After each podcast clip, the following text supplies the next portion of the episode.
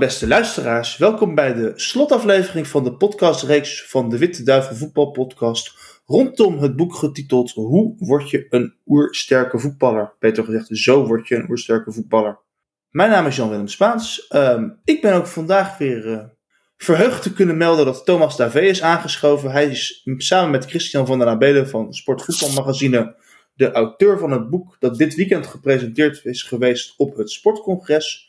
De opbrengst van het boek, by the way, gaat volledig naar SOS Kinderdorpen. Dus naast uw kennis doet u er ook nog iets anders goeds mee als u het boek aanschaft. Um, in deze laatste aflevering gaan wij het hebben over mindset.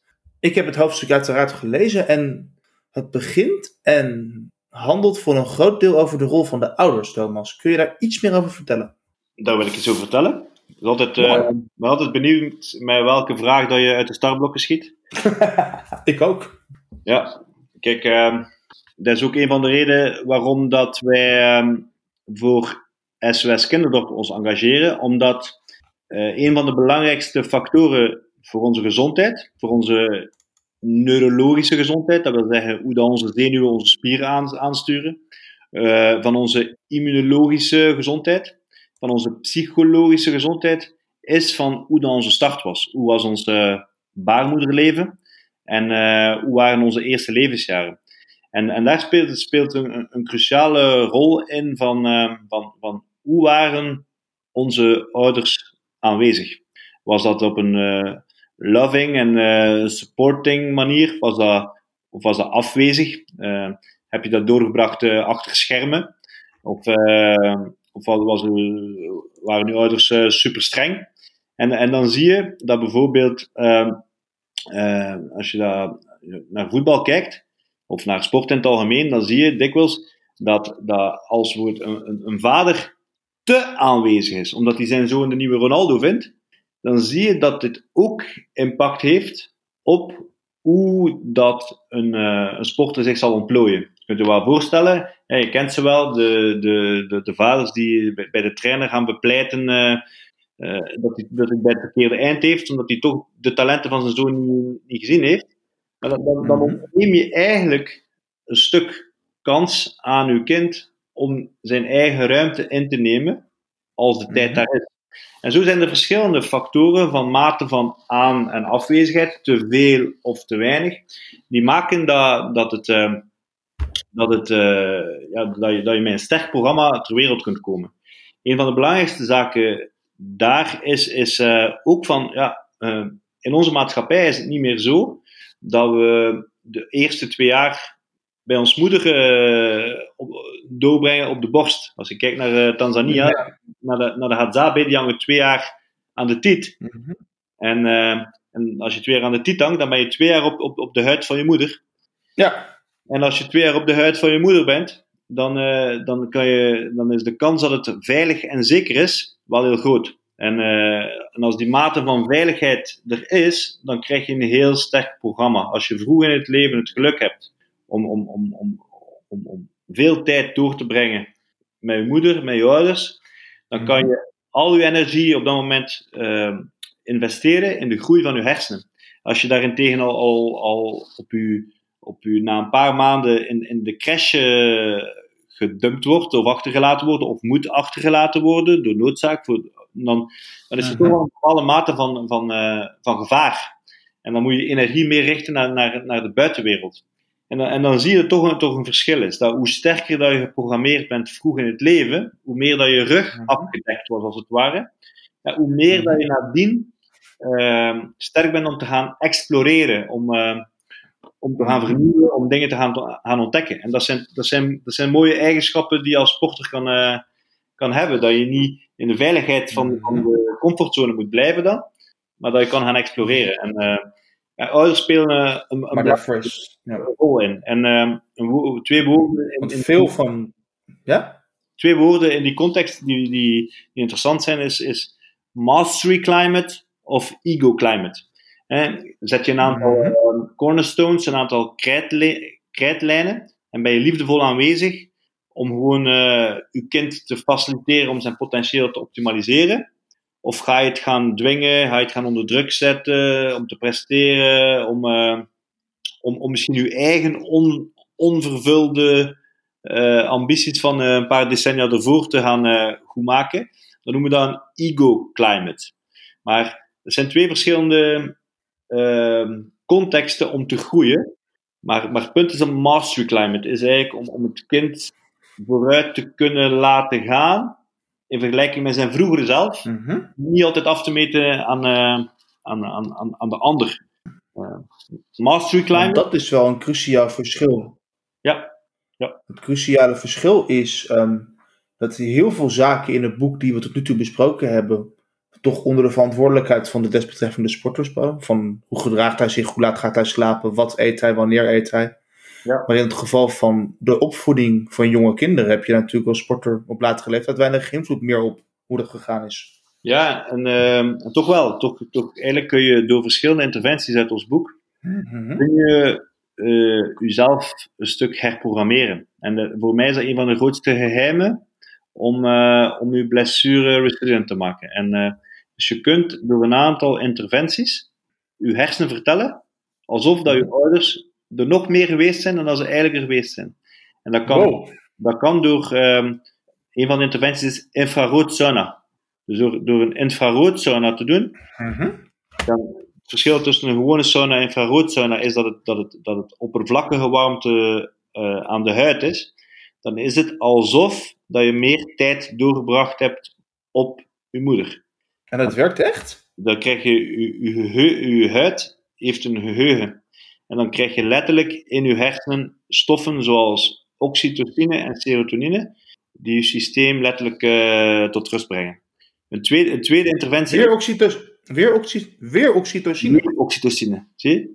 Uh, en dat, dat, oxytocine is het hormoon dat vertrouwen heeft, dat uh, mm -hmm. het systeem uitzet, je zelfvertrouwen, ja. goede het team, het team. Mm -hmm. uh, dus dat is één interventie, infrarood. Een tweede is. En de tweede? Mm -hmm. De tweede interventie is? Is uh, soft touch massage. Dus aanraking van uw huid, maar niet in uw spieren in de diepte masseren, maar uw huid oppervlakkig aanraken. Ook weer as if dat, uh, dat, dat uw huid vroeger meer aangeraakt is door uw moeder. Dus in plaats van een dieptemassage van uw benen te geven, zou het een interventie kunnen zijn om een, een whole body soft touch massage te geven. En opnieuw komen diezelfde stoffen vrij. Een derde interventie. En dat mag ook een uh, mannelijke behandelaar zijn met grote, dikke, oude vingers? Of? Dat, uh, ja, dat maakt niet uit. Het maakt, maakt, het maakt hem. Okay. Het is vooral belangrijk dat, het, uh, dat, je, dat, je, dat, dat de persoon zich veilig voelt.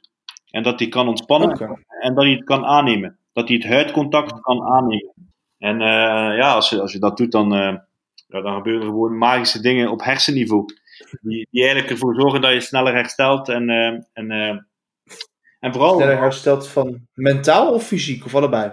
Ja, kijk, je komt, je komt, dus veiligheid en zekerheid. Je communiceert met je hersenen dat je, dat je in rust brengt. En dan herstel je veel sneller. Maar door, door zo regelmatig zo'n prikkels te geven, wordt, wordt je, stress, Mhm. komt je stresssysteem tot rust. En dan ben je stressbestendiger. Je bent, Ja. en dat, dat is, kijk, ik zeg altijd van uh, voetbal spelen is het verschil tussen level 0 is met, met je opa een bal trappen in, in, in de tuin. En uh, level 10 is een, finale, een uh, penalty trappen op de finale van het TK.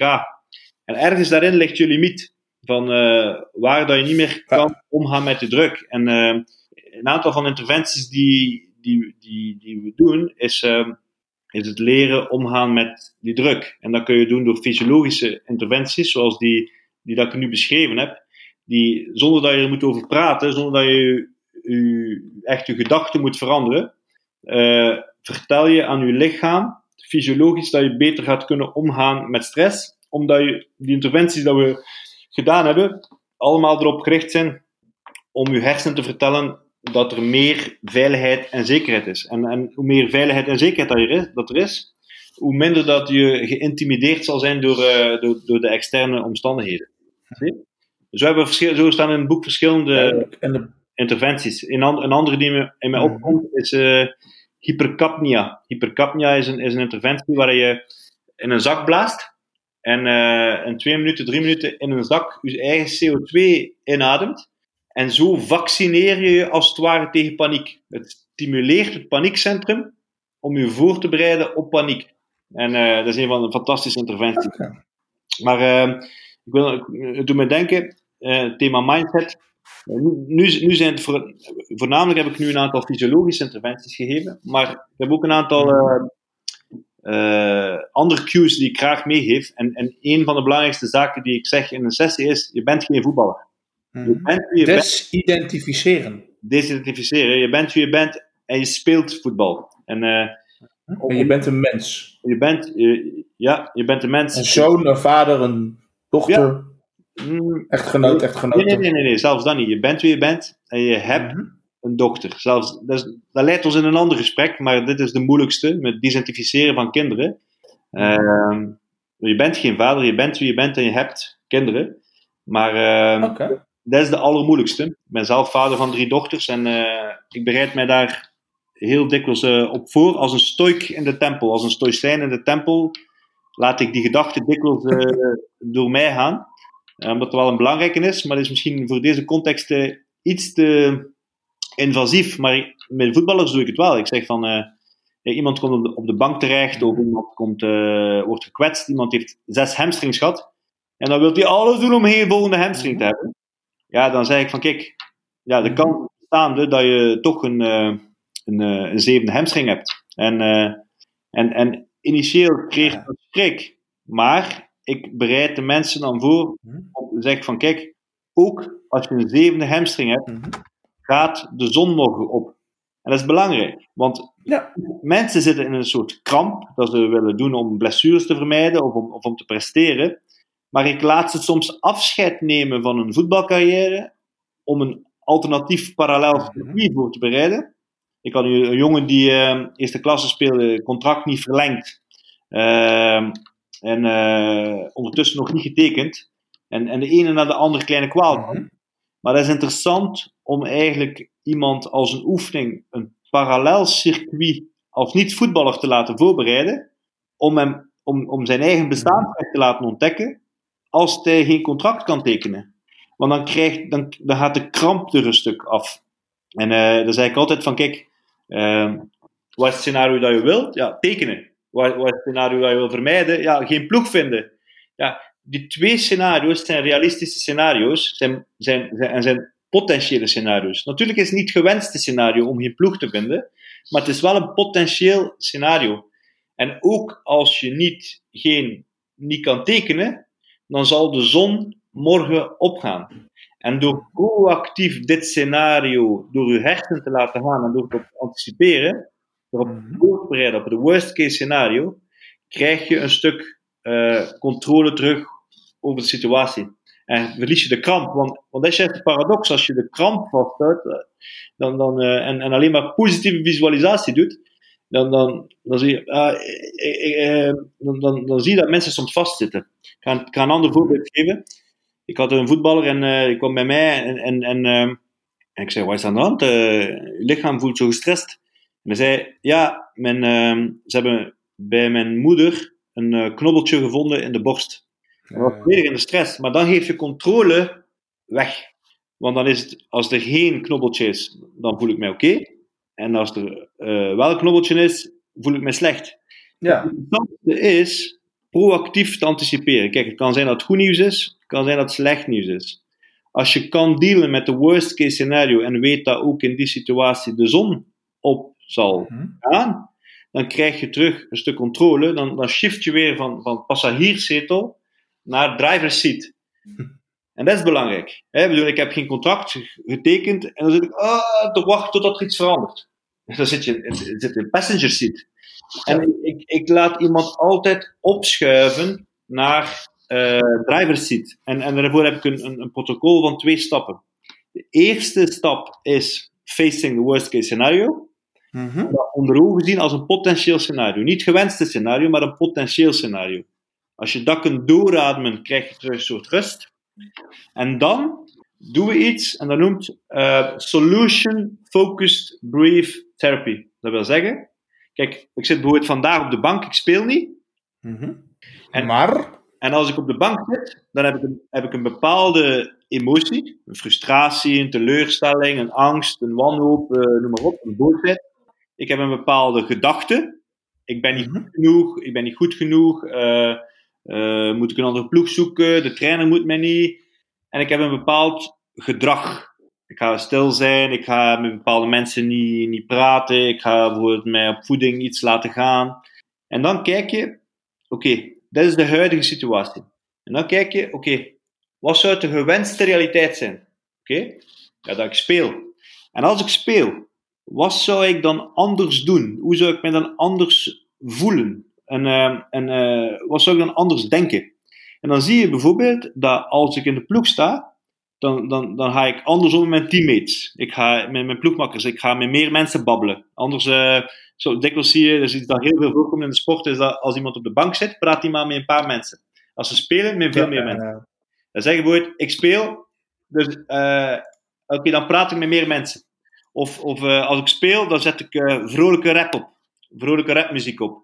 En dan door proactief dat gedrag te gaan aanpassen, as if that you are playing, maar bijvoorbeeld ook door proactief met meer mensen te gaan praten, met je team, uh, door andere muziek op te zetten, as if dat je al op het veld staat uh, aan het spelen, dan, dan, kom je in de juiste vibe. En, en uh, de kunst is om, om, om, om niet te wachten tot je speelt om je weer blij te voelen, maar om je juist proactief blij te voelen, blij te denken en blij te gaan gedragen. Maar wel interessant mhm. is dan om eerst die scenario, die stap 1 te facen. De, even te kijken naar wat je schrik hebt, dat te doorademen als een, als een potentieel scenario. En dan het gedrag proactief te gaan veranderen, as if dat het al aan het lukken is. Kijk, anders zeg je van, kijk, uh, ik speel nu niet. En op een bepaald moment in de toekomst, als, uh, als ik weer uh, een ploeg heb, of als ik weer uh, geselecteerd word, dan voel ik mij weer blij. Dan voel ik mij weer ontspannen. Maar dan, ligt, dan, heeft, dan zit je weer op die, op die, op die passenger seat. En belangrijk is, de, dan, kan, dan kan iedereen zich goed voelen als het meegaat. maar, maar de kunst is, wie ben jij op het moment dat je op de bank zit? Dan kun je dan proactief dat gedrag gaan uh, uh, veranderen en bijsturen. Uh, dan ben je zelf deel van de oplossing. En, en dat is een boek dat we dat is wat we in ons boek gedaan hebben. Dus uh, 18 tips, 18 oplossingen aangedragen. We mm hebben deze week wel uh, een aantal kunnen in de kijker zetten. Hè? Bedankt daarvoor. Mm -hmm. Dat is natuurlijk met heel veel plezier gedaan. Um, en daarmee wil ik inderdaad het einde van deze podcastreeks um, aankondigen. Ik wil iedereen danken voor het luisteren. Het boek Zo word je een oersterke voetballer van Thomas Davé en Christian van den Nabelen is nu verkrijgbaar. Um, en ik zou iedereen het warm aanbevelen met een interesse in sport, voeding, fysiologie en wetenschap of een uh, combinatie van deze disciplines. Uh, nogmaals bedankt voor het luisteren. Veel dank aan Thomas voor al zijn expertise. En uh, wij hopen u bij de volgende afleveringen van de Witte Duivel Voetbal Podcast opnieuw te mogen begroeten.